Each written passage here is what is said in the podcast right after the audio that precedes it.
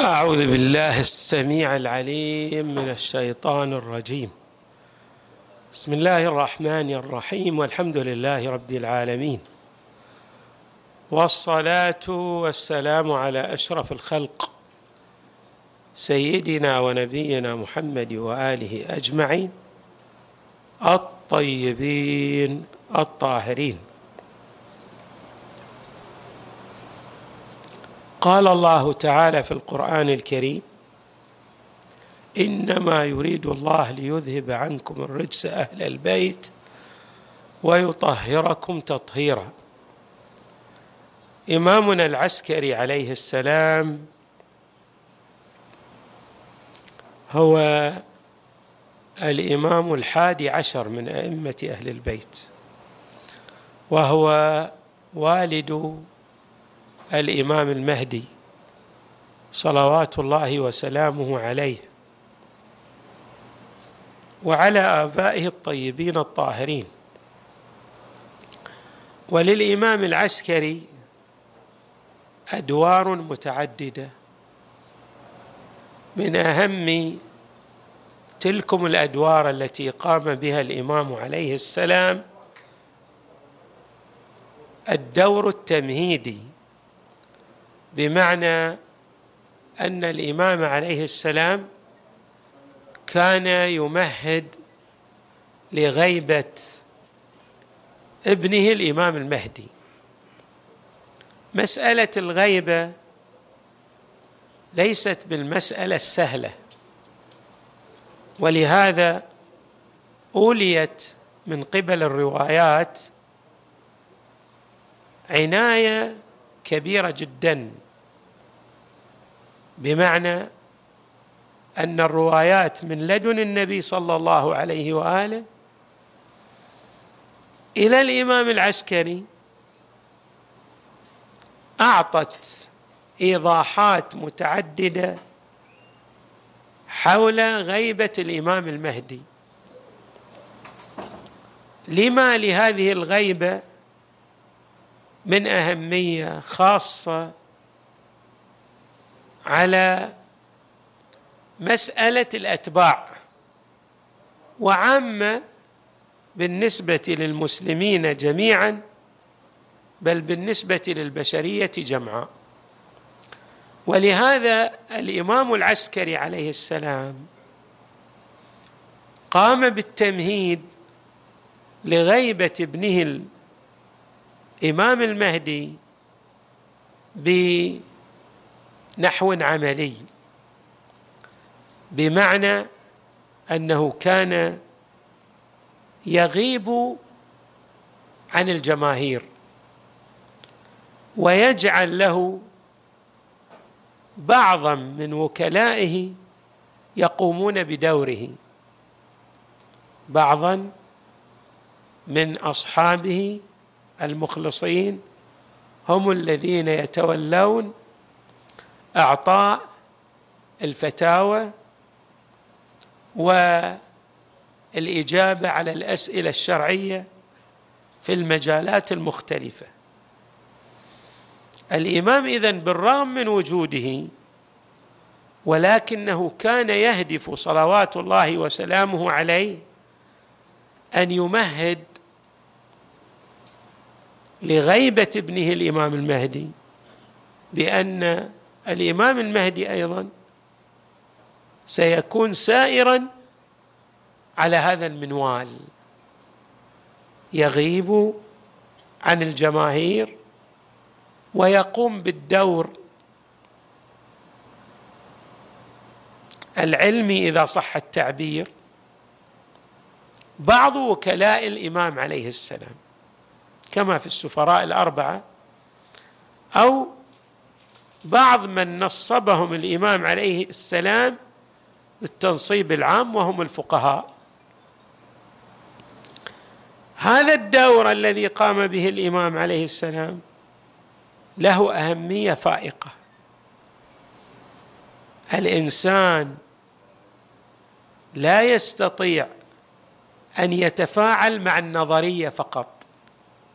الجانب النظري مهما كان من الوضوح لا يتفاعل معه الإنسان.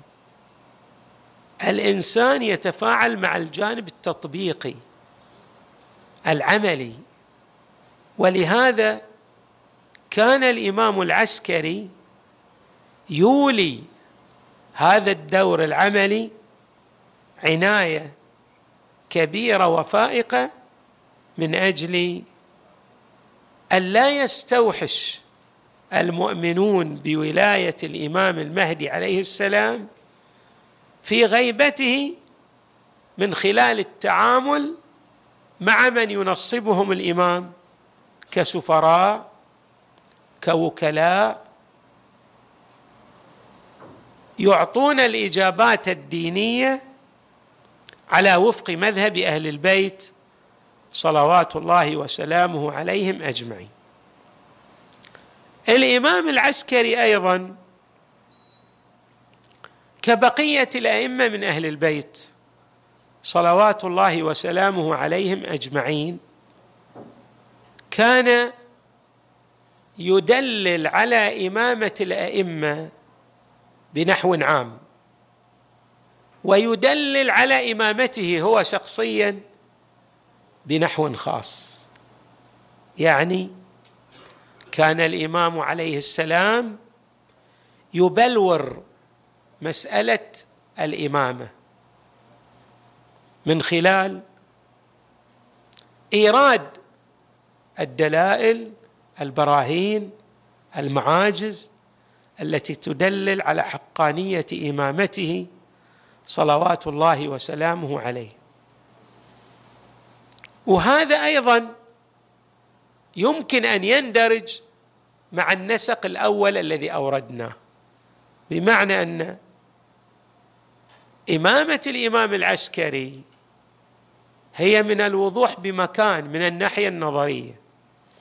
ولكن لا يكفي الوضوح من الناحية النظرية وإنما تحتاج هذه الإمامة إلى التدليل على حقانيتها من الناحية العملية. يعني لابد أن يرى بعض المؤمنين الذين يؤمنون بإمامة الامام العسكري عليه السلام يرون بعض الدلائل بعض العلامات التي تدلل على إمامة الإمام العسكري عليه السلام.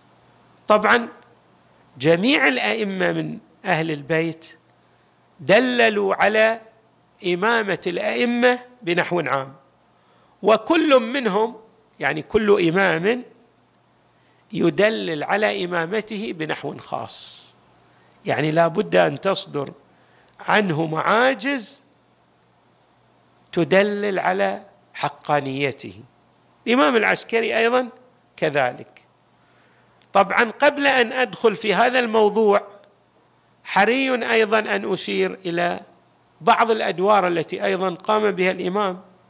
الإمام عني عناية كبيرة جدا بتفسير القرآن الكريم. يعني كان يلقي الدروس والمعارف القرآنية على تلامذته والرواة عنه. للأحاديث. ولهذا عندنا تفسير ينسب إلى الإمام عليه السلام. لسنا بصدد هل أن هذه النسبة صحيحة أو غير صحيحة ولكن من المؤكد أن الإمام عليه السلام كان له عناية بالتفسير وكان يلقي الدروس التفسيرية على رواة الحديث الذين رافقوه. ورووا عنه. الجانب الآخر أيضا في شخصية الإمام عليه السلام أن الإمام عليه السلام فيما يختص بالإمام المهدي كان يعني كما نعبر في العصر الحديث مأمور بالكتمان عن كتمان ولادة الإمام المهدي عن الناس. ولا بد أن يدلل لهم على وجوده وولادته من ناحية أخرى. فكيف يجمع بين الأمرين؟ كان الإمام عليه السلام كما نعبر بالتعبير الحديث يبقي الباب موارد مواربا. شلون المواربة للباب؟ يعني كان جزء بسيط منه مفتوح وأكثر الباب مغلق. فكان يري الإمام المهدي لبعض الخواص من شيعته من أتباعه من المخلصين. يقول لهم يحمل الإمام وهو رضيع ويبين لهم أن هذا هو الإمام والحجة على الخلق. فكان يتعجب. يعني كيف يكون هذا إمام وهو يعني بعض أصحاب الإمام يتعجبون. ولكن الإمام كان ينطق وهو طفل كما كان ينطق عيسى ابن مريم عليه السلام. ويحدث الناس ويعلن لهم عن إمامته وحجيته على الخلق. فلهذا حصلت قناعة تامة بإمامته يعني بإمامة الإمام المهدي من لدن المخلصين في زمن أبيه الإمام العسكري عليه السلام. نرجع عودا على بدء إلى التدليل على إمامة العسكري من قبل الإمام نفسه. نقرأ في آيات القرآن فيما يتعلق بداود وسليمان وهما من الأنبياء العظام. قال تعالى وورث سليمان داود. وقال يا أيها الناس علمنا منطق الطير وأوتينا من كل شيء إن هذا لهو الفضل المبين. الآية ماذا تتحدث عن؟ تتحدث عن بعض العطايا الإلهية التي أفاضها الله على هذين النبيين الكريمين. الآية ما تقول إن إحنا علمناهم فقط اللغات التي يتحدث بها البشر بعضهم لبعضهم الآخر. تقول لا حتى اللغات التي يتواصل بها بعض الحيوانات كالطيور وإحنا نعرف ما جرى للهدهد مع سليمان عليه السلام. فاذا سليمان كان يحدث الناس ويقول يا أيها الناس علمنا منطق الطير. ليس هذا فقط وأوتينا من كل شيء. إن هذا لهو الفضل المبين. هذه مواهب إلهية. أفاضها الله علينا لحكمة. ما هي الحكمة؟ اولا للتدليل على أنهم من الأنبياء. لهم اتصال بالله. النبي إذا لم يأتي بمعجزة تدلل على نبوته. كيف يصدق الناس بأن هذا نبي؟ هو بالتالي بشر. كسائر البشر. كما تحدث القرآن عن المصطفى صلى الله عليه وآله قل إنما أنا بشر مثلكم يوحى إلي أنما إلهكم إله واحد. المسألة الأنبياء كسائر الناس ولكن هناك فارق جوهري وأساسي. ما هو الفارق؟ أن لديهم اتصال بالله يختلف عن بقية البشر فهم يتلقون الوحي من عند الله.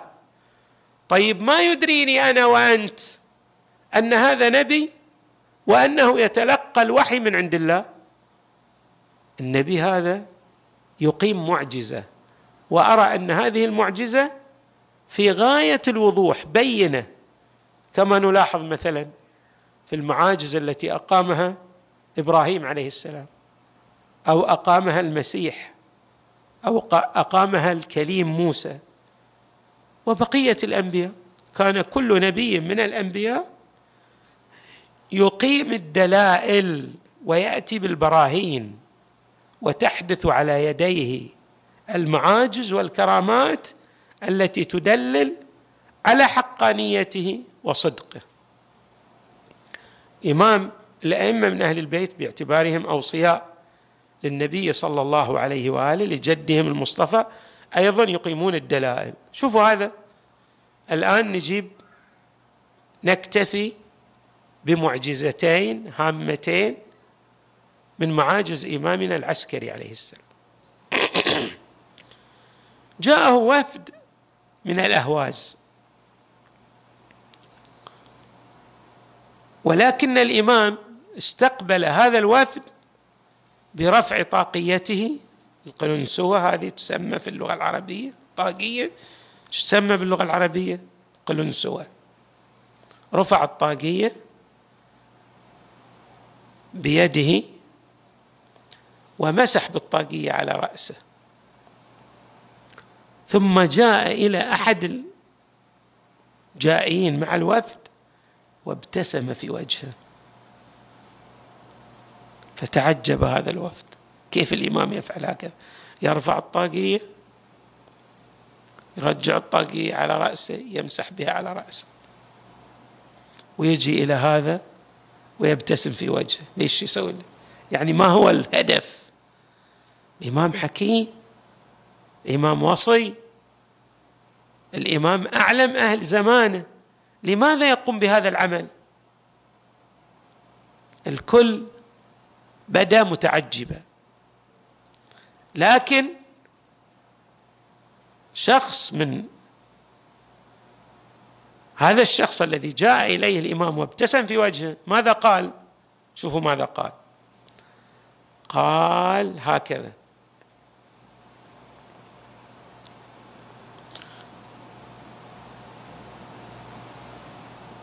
يقول كنت على شك من إمامة هذا الإمام.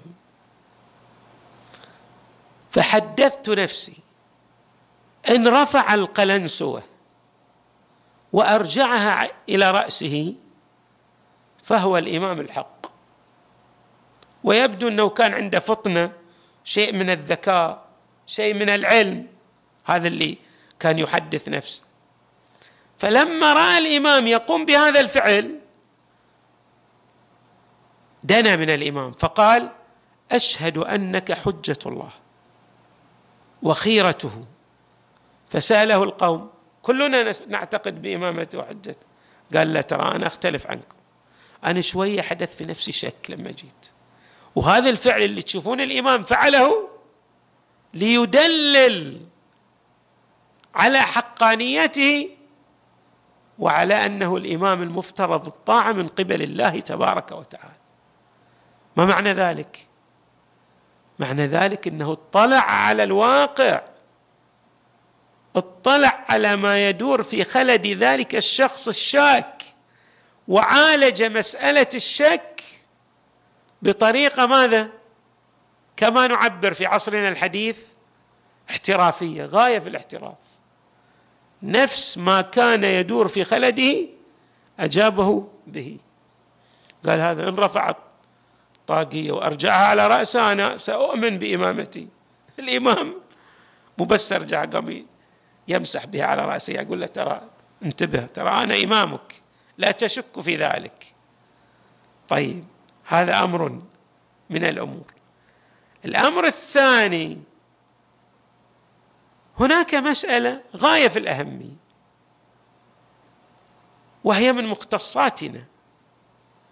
الأئمة من أهل البيت عليهم السلام لا نجد في ترا في تراجمهم أنهم ذهبوا إلى أستاذ من الأساتذة ما تعلموا عند أحد.